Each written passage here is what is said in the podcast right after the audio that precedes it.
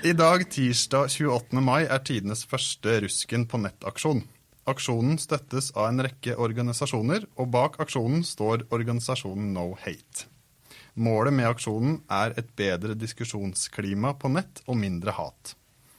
Med oss i dag har vi Abetare Krasniki og Mathilde Boisot fra Nettpatruljen til Kripos. Velkommen. Tusen takk. Tusen takk. Vi har også med vår første eksterne gjest noensinne i denne podkasten. Velkommen Anine Kierulf, fagdirektør ved Norges institusjon for menneskerettigheter. Takk for det. Så de som hater og hetser på nett, de bruker bare ytringsfriheten sin. Hva er problemet? Nei, det er riktig det, men det blir ikke så god ytringsfrihet av å bare bruke den til hets og hatt. For ytringsfriheten er jo begrunnet til at vi skal ha meningsbrytning. Og vi skal ha meningsbrytning med flest mulig stemmer der ute, fordi vi ofte tar feil. Og vi skal leve i et demokrati hvor mange stemmer må frem hvis vi skal ha et reelt folkestyre. Og hvis man bare hater å hetse på nett og ikke argumenterer saklig, men bare angriper person, så er det mange som ikke orker å delta i den offentligheten i det hele tatt. Og da blir det mye Da blir det idéfattig, rett og slett. Så da undergraver man hele poenget med ytringsfriheten, som man sier at man er så sterkt for. Du har holdt en appell på Youngstorget tidligere i dag. Da trakk du fram tre aspekter ved ytringsfriheten. Vil du bare gjenta de? Ja, de står for så vidt i Grunnlovens paragraf 100, så hvis man vil slå dem opp, så er det der de er å finne. Og det, De sier noe om de tre hovedgrunnene til at vi beskytter ytringsfriheten så sterkt som vi gjør. Det er eh, for det første vår individuelle rett til å danne oss selv som mennesker ved å prøve ut ideene våre på andre og ta deres ideer inn til oss selv og tenke over dem. Bare på den måten kan vi egentlig bli den personen vi er. Og så er det to andre begrunnelser som handler mer om si, kollektive goder, nemlig at vi som mennesker er feilbarlige. Eh, og den beste måten å bøte på det på, det er å slippe ut flest mulig ideer i offentligheten, sånn at vi kan diskutere hva virker bra, og hva virker ikke så bra. Er det jorden som går rundt solen, eller er det omvendt? Det får vi i grunnen bare greie på ved å eh, prøve oss frem gjennom den type diskusjon. Kanskje noen har noen matematiske beregninger som kan hjelpe oss, eller andre ting. Den tredje er demokratibegrunnelsen.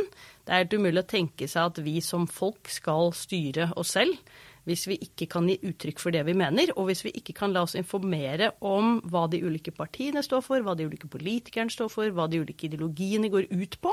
Eh, da vet vi ikke hva vi skal stemme på, rett og slett. Eh, og det er også slik at mellom valgene så må vi ha mulighet til å diskutere hva funker og hva funker ikke i samfunnet, for at vi skal ha et reelt demokrati. Um Ytringsfriheten er jo vi, men kan du helt kort si hva er det som begrenser den, som i straffeloven? Ja, eh, det fins regler i straffeloven, men egentlig andre steder også, som begrenser ytringsfriheten.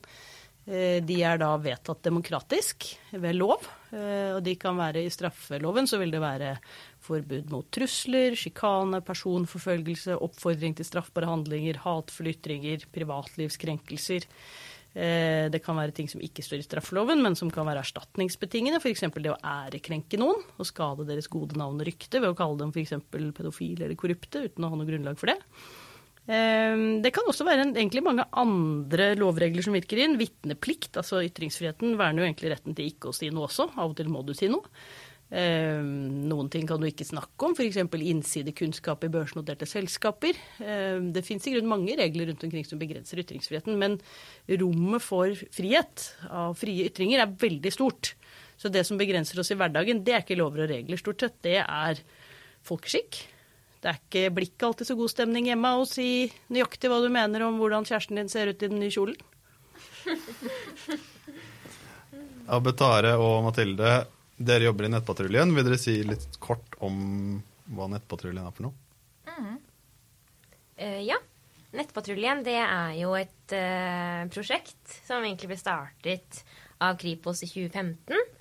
Um, der er vi jo til stede på Facebook og har en, på en måte en uh, politipost hvor vi både legger ut informasjon um, med i utgangspunktet forebyggende budskap, men også der hvor publikum kan ta kontakt med politiet med spørsmål de har, om de trenger noe veiledning og råd. Og så svarer vi så godt vi kan på det de eh, lurer på. Så får vi jo også inn tips som er straffbare, mm. som vi da videresender til lokalpoliti, som kan opprette en anmeldelse eller kalle inn til bekymringssamtaler. Eh, og nå er det jo ikke bare Kripos som er på nettpatruljen, mm. men eh, det er flere distrikt som er ute med sine egne nettpatruljer som man kan kontakte for tips, råd og veiledning. Hva slags type tips er det dere får mest av? Nei, Det vi får mest av, det er vel egentlig to typer kategorier, tenker jeg. Det ene er deling av bilder uten samtykke. Det går jo på åndsverksloven. Eh, Men så får vi også mange henvendelser om eh, ytringer som er ytret på nett, eh, hvor folk lurer på om dette er greit å si, og om det er straffbart. Så vi får jo alt fra trusler, oppfordring til straffbare handlinger, og så ser vi en del av hatefulle ytringer. Um, Ja, Og så er det også mye som ikke er straffbart. Ja. Og da må vi prøve å forklare hvorfor det ikke er straffbart også. Eh, noe som kan være ganske vanskelig noen ganger. Men vi prøver liksom så godt som mulig å informere dem om ja, ytringsfriheten og hvor grensene går. Hva er det som er straffbart, hva er det som ikke er straffbart. Både for å lære bort. Litt sånn opplysning, på en måte. Og det å gi folk, eh, gjøre folk mer robuste til kanskje ta de vurderingene selv også, da, i, eh, på nett. Men uten å avsløre for mye av metodene, men når dere skal vurdere sånn, er det innafor loven, eller er det faktisk en straffbar ytring? Hvordan gjør dere de vurderingene? Det kommer jo veldig an på hvor vi på en måte beveger oss hen. For når vi leser en kommentar, så kan vi fort tenke eh, at dette enten går inn under trusler, eh, eller så er den eh, oppfordring til straffbar handling. Eh, Eller så kan det være kommentarer som f.eks. går ut på hatefulle ytringer. Og hvis det er det det er, så må vi tenke faller dette inn under et av de fire vernene i bestemmelsen om hatefulle ytringer? Altså går det på etnisitet, religion, nedsatt funksjonsevne eller homofil orientering? Hvis det ikke gjør det, så faller den ikke inn under det. Um, Ja, og så tar vel alle de ytringene vi får spørsmål om, da, de må jo vurderes opp mot konteksten. For hvilken kontekst noe er ytret i, vil liksom si veldig mye om det er straffbart eller ikke. og så er det viktig å si at vi har jo jurist også som vurderer disse sakene. Eh, når ikke vi klarer, for det er ikke alltid like enkelt. Eh, og så, Anine, når um, folk blir utsatt for hets og trusler på nett, vet vi noe om eh, Eller kan si litt om hva det gjør med folk? Hvordan det preger det offentlige ordskiftet? Ja, eh, dette er jo ikke helt mitt eh, felt, jeg er jo bare jurist. Men, eh, men det jeg har sett av undersøkelser, og det er jo litt sånn common sense egentlig, det er jo at eh, hvis man blir utsatt for mye personangrep og hets, så, så orker man ikke å delta, rett og slett. Eh, Det er jo undersøkelser som viser at eh, særlig unge politikere trekker seg fra sin politiske verv fordi eh, omgangstonen er blitt så tøff på nett. Det er jo en, et direkte problem for demokratiet. Altså Det er jo utakknemlig nok å være politiker i utgangspunktet, tror jeg egentlig, hvis du ikke skal måtte tåle sånt også. Og da får vi jo et fattigere tilfang av eh, folk som eh, vi skulle ønske var de aller beste blant oss, da, som tar de politiske vervene. Eh, Det er jo et stort problem. Um, Så kan man jo tenke seg at det er noen utsatte grupper som, ut, som får mye av denne hetsen mot seg. Om det er fordi de ser eh, spesielle ut ut fra hva vi vurderer det som uh, pga. kjønnsidentitet, eller at de skiller seg ut på andre måter som gjør dem eh, på en måte annerledes for vårt blikk. Eh, og det kan jo da resultere i at eh, større grupper av stemmer blir borte. At det er eh, noen som får dominere debatten, og da ofte ikke egentlig de som nødvendigvis har de beste ideene, eller iallfall ikke de best formulerte ideene, eller en, som diskuterer på en måte som inviterer til diskusjon og reell debatt, men som egentlig bare fastslår ting og eh, hetser eller skremmer andre stemmer ut av eh, offentligheten. Og da blir offentligheten fattigere, og det taper vi i grunnen på alle sammen. Mm, Hva tenker du skal være politiets rolle? Hvor Politiet skal åpenbart eh, ta det som er ulovlig, men har politiet en større rolle enn det å spille? Ja, politiet har jo en, eh, altså de har jo en håndhevende funksjon. Det er jo ikke de som finner på disse reglene her, selv om eh, de får beskyldninger om det også av og til, tror jeg. Eh, det er det jo Stortinget, eller oss som folk, da, som har besluttet de etter demokratiske prosesser. Eh, de skal håndheve de reglene. Det, eh, det er viktig, fordi et steg går grensen. Men i tillegg så har de jo et viktig forebyggende mandat. Altså hvordan kan man hindre at denne type straffbare handlinger eller ytringer skjer? Eh, Og da er jo opplysningsrollen kjempeviktig. Og jeg tror jo mye av det som skjer på nett, handler om at man ikke tenker så veldig mye gjennom det. Både tror man, Noen tror at internett er et slags lovtomt rom, hvor man kan gjøre hva som helst. Sånn er det definitivt ikke. Det er det jo noen som smertelig får erfare etter hvert. Eh, Det er jo en viktig opplysningsfunksjon. I tillegg så kan man jo gjennom å iretteføre, altså påtale noen av disse sakene og få frem dommer, så kan man jo Det har jo en stor pedagogisk effekt også. Det er jo ikke Eh, man kan jo tenke at det er um, alvorligere forbrytelser enn dette osv., men, men de tingene som er forbudt, de skal jo da håndheves. Og når man får disse dommene som beskriver noe om hvor grensen går, og hvorfor, ikke minst det siste, mm. så kan jo noen hver få en aha-opplevelse av at noe man tenkte var helt i orden, eller noe, man, noe som egentlig ikke hadde noen konsekvenser fordi man bare skrev det fra kjellerstuen sin, eh, at det er, virker i en annen måte i samfunnet enn det man hadde tenkt over. Mm. Eh, Mathilde og Betare, hvordan eh, Hva slags reaksjoner får dere fra publikum og befolkningen når dere er inne og forebygger eh, hatefulle ytringer og trusler på nett? Det er egentlig veldig varierende. Eh, vi har jo delt eh, dommer som vi har fått tidligere, bl.a. på tips vi har fått inn på Nettpatruljen. Eh, og da er det enkelte som faktisk forstår hvorfor ting er straffbart, mens andre mener at vi innskrenker ytringsfriheten. Mm. Men som Manina også sier, så tror jeg at uh, veldig mange kanskje ikke forstår helt det at ytringsfriheten står veldig sterkt. Og vi som politi ønsker jo selvsagt også at den skal gjøre det, for det er viktig i et demokrati. Men den er ikke absolutt. Mm. Og vi ønsker jo at folk skal kunne ha saklige debatter, men ikke bidra til denne netthetsen som bringer andre til taushet. Og der har vi jo både folk som forstår dette, og andre som stiller kritiske spørsmål, som selvsagt er lov, da. Mathilde? Jeg kan jo kanskje ta et eksempel. Um, for når vi har delt um, informasjon eller dommer som har gått på den uh, paragrafen om hatefulle ytringer, så ha, får vi jo en del reaksjoner, både positive og mindre positive, på en måte. Og da kan jeg sitere en her. Det er et klassisk eksempel på hva, hva slags type uh, kritiske spørsmål vi på en måte får. da. Eh, det gjøres lite når det er norske ungdommer eller voksne som blir utsatt for hets av våre nye landsmenn kontra andre veien. Det er akkurat som at man føler seg liksom urettferdig behandla, da. Um, og det Sånne her type spørsmål, uh, eller kommentarer, får vi veldig ofte mm. når vi legger ut informasjon. Så Men det ja. som er viktig å tenke på, er spesielt denne kommentaren her. Eh, der var det vel snakk om en dom vi fikk fra Hadia Tajik, hvis mm, jeg ikke husker feil. Stemmer. Eh, og den gikk jo på dette med at det var hets mot muslimer. Eh, hvor man da mente at eh, man kun eh, verner om minoritetsgruppene, og mm. ikke eh, resten av majoriteten. Da. Eh, men det er fordi akkurat den kommentaren falt inn under hatefulle ytringer. altså at det var en hatefull ytring mot noen pga. deres religion. og så fikk vi spørsmål om hvorfor vi ikke tok tak i en kommentar som Sylvi Lysthaug hadde fått.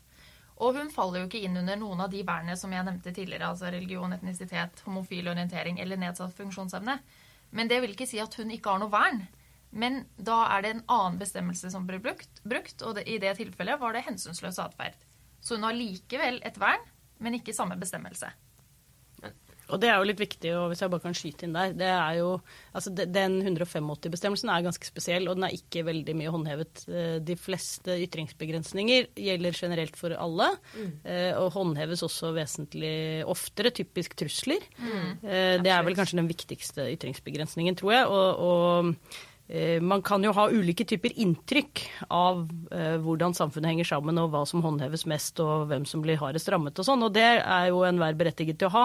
Det er ikke gitt at det er representativt for hva som faktisk skjer. Mm. Eh, verken av lovbestemmelser som fins, eller lovbestemmelser som håndheves. Mm. Absolutt. Veldig bra. Men Anine, hvorfor har vi den 185? Hva er grunnen til at det er noen grupper i samfunnet som har et særskilt vern ja, Bakgrunnen for den bestemmelsen den kom inn i straffeloven i 1970. Den uh, er en oppfylling av rasediskrimineringskonvensjonen, som vi er uh, med i Norge.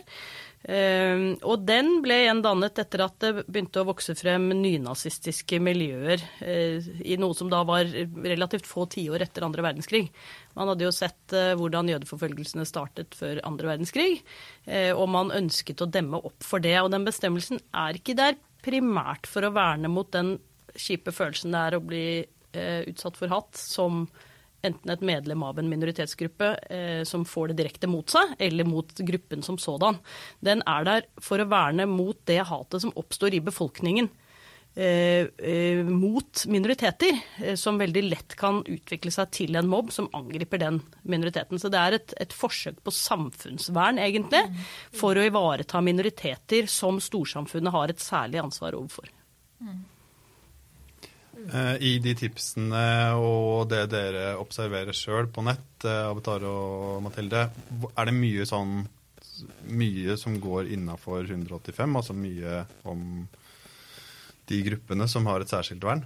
Um, mye og mye. Det blir litt sånn relativt. Men eh, vi mottar jo Vi ser kanskje mest av det selv enn det vi mottar tips på, eh, vil jeg Ja, si. Ja. Eh, men eh, det vi ser det er mest av, er religion og etnisitet. Og gjerne så går de litt sånn hånd i hånd. Um, er man mørk, så er man muslim, og er man muslim, så er man terrorist. Eh, og så ser vi lite på eh, homofil orientering. Det vil ikke si at det ikke finnes der, men som vi mottar tips på. Og svært litt på nedsatt funksjonsevne får vi inn på. Så der er det jo selvsagt store mørketall. Og så ser vi at det avhenger veldig mye av hva som er i media den dagen, eller hva som skjer i samfunnet.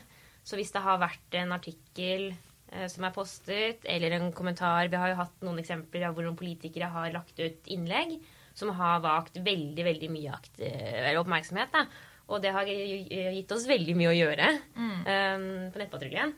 Eh, men det er ikke alt som har blitt vurdert som uh, straffbart uh, eh, heller.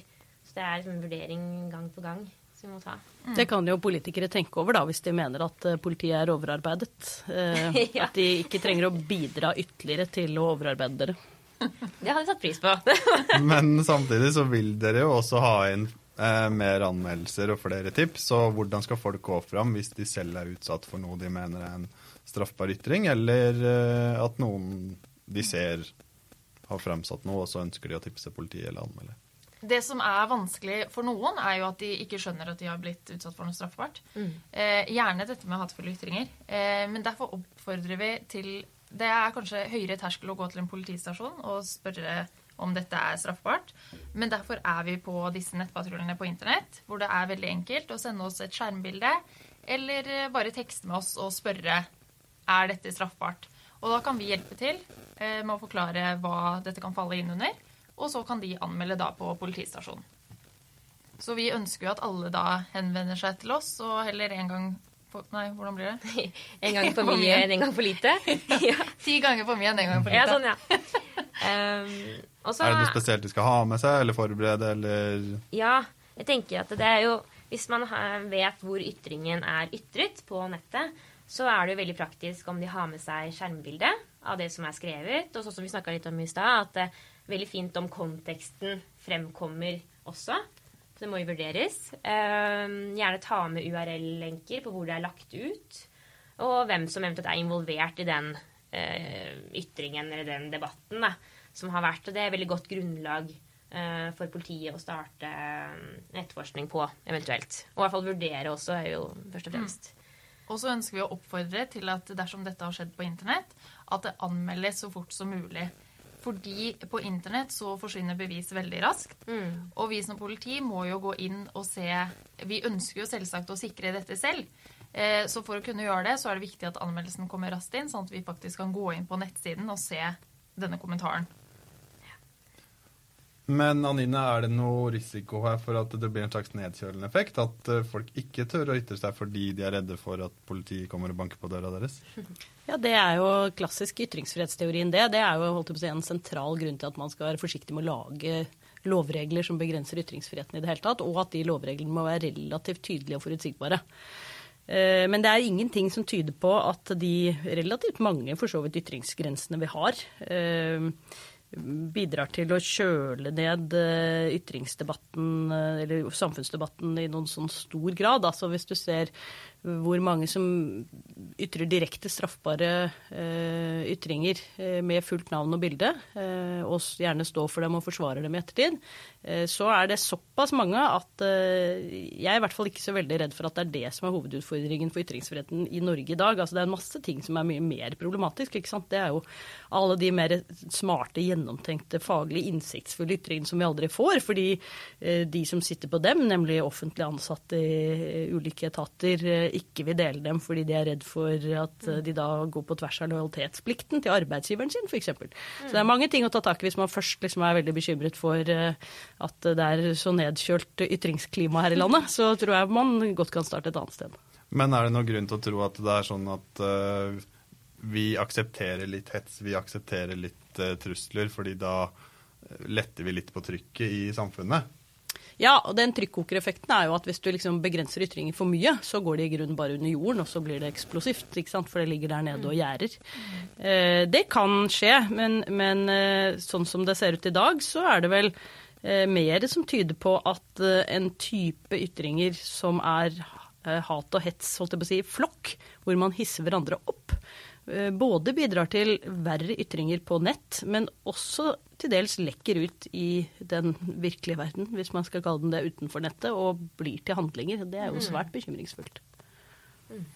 Mm, det fins jo en del eksempler på det, holdt jeg på å si, men um, det her ytringsansvar er jo litt sånn rød klut i noen miljøer, da. Men um, kan du si litt om hvorfor det der med fra ord til handling er liksom en sentral del av hvorfor vi har noen begrensninger. Ja. Ytringer er noe helt annet enn handlinger. Det er grunnen til at vi beskytter ytringer mye mer enn handlinger. Men det er jo like klart at ytring kan føre til handlinger. Det er jo en like sentral grunn til at vi beskytter ytringsfriheten. Det er jo nettopp fordi den kan bevirke endring i verden.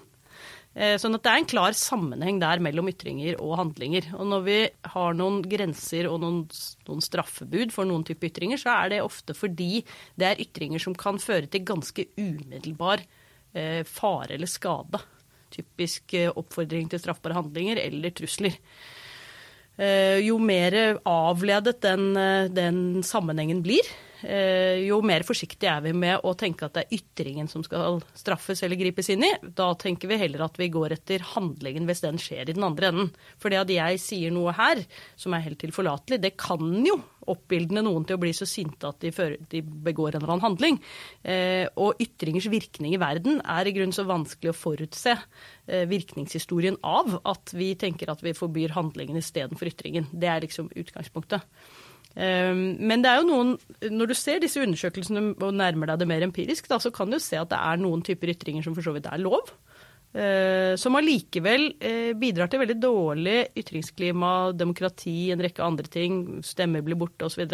Uh, og da tenker jeg at ytringsansvar, du kan forstå det som at du skal tenke litt gjennom hva du sier. Det så, altså Hvis det er ytringsansvar, det ytringsansvaret tar du jo hele tiden der hvor du omgås andre uansett. ikke sant? Du sier ikke alt du mener hele tiden til folk på bussen, og da blir det veldig ubehagelig. Um, at man, uh, jeg, har ikke, jeg, har av og til prøvd å si ting litt direkte. Kan bli veldig ubehagelig. Uh, det er ikke noen grunn til at man skal liksom legge mindre bånd på seg på nett enn man gjør uh, ansikt til ansikt. Det er én måte å tenke om ytringsansvar på. Den andre måten å tenke på ytringsansvar på, det er jo at for at ytringsfriheten skal fungere etter sin hensikt, så har vi alle et ansvar for å ta til motmæle mot det vi mener er feil, eller støtte det vi mener er bra. Uh, hvis uh, veldig mange ikke tar det ansvaret, så virker jo ikke ytringsfriheten. Sånn at uh, Det tenker jeg kanskje er en positiv side ved denne mobiliseringen som dette no hate og rusken på nett og disse tiltakene kan bidra til. Det er jo å mobilisere flere av oss til å tenke gjennom hvordan vi ønsker at offentligheten skal, vår skal være, og ta litt ansvar for den lille fliken som vi kommer borti. Jeg regner med at dere har tro på det samme, i og med at uh, politiet er en del av uh, Rusken på nett. Men kan du si litt om hvilke forebyggende tiltak og hvordan forebygging i politiet liksom, hva slags, Hvordan jobber vi der for å, for å forhindre straffbare ytringer? Mm. Det vi ser, er at eh, når vi, spesielt når vi legger ut eh, innlegg mm. som kan være disse dommene, så vet vi at det kan komme veldig mange kommentarer. Enten folk som syns at vi innskrenker denne ytringsfriheten, eller som er enig i avgjørelsene. Men da er det viktig at vi er til stede. Eh, for der vi er aktive i kommentarfeltene, ser vi at det går egentlig ganske fint for seg. Mm. Og der vi er fraværende, så ser vi at det kommer en del netthets. Mm. Ehm, så vi har jo et ansvar eh, på, altså på, internett på samme måte som vi har et ansvar ute på patruljene. At vi er ute og patruljerer. Eh, og vi ønsker at eh, publikum skal være kjent med hva er det som egentlig er straffbart, hva er det som er innenfor ytringsfriheten. Og det er en jobb vi som politi har, å informere befolkningen. Mm. vi samarbeider jo også med Vi linker jo ofte til nettvett, at folk skal lære seg ulike De har jo noen regler hvordan oppføre seg på internett. Og man kan jo tenke seg at det er det nødvendig å ha, men det, er, det ser vi at det er. Det er ikke alle som tenker over hva de skriver på internett, og det tror jeg er fordi de føler seg veldig anonyme. At det er ingen som ser dem. Så tenker vi også at eh, det ikke er bare politiet som har et ansvar her, men også administratorer på sider Mm. som må moderere det som kommer i kommentarfeltene. Og Ofte når vi ser noe som eh, er straffbart, f.eks. på grupper og sånt, da, så kan jo et tiltak fra vår side være å kontakte moderator, f.eks. Og se om dette innlegget kanskje kan bli slettet. Um, og så For vår del så er det liksom at vi ønsker å engasjere oss i arbeidet mot netthets, fordi vi tenker at netthets vil forebygge Altså å forebygge netthets vil forebygge straffbare handlinger. Eller ytringer. Men eh, det er jo sikkert litt uvant for folk å se patruljer på nett, mens man er jo veldig vant til å se politiet på gata. Men det er noe de bare må venne seg til, da. Alt har jo blitt digitalisert, og jeg tenker eh, Internett er jo ikke et fristed for å bare ytre seg som man vil. Altså at her er Mm. alt lov. På samme måte som det ikke er lov på gata, så må folk lære seg også at vi nå er på internett, hvor alle andre er.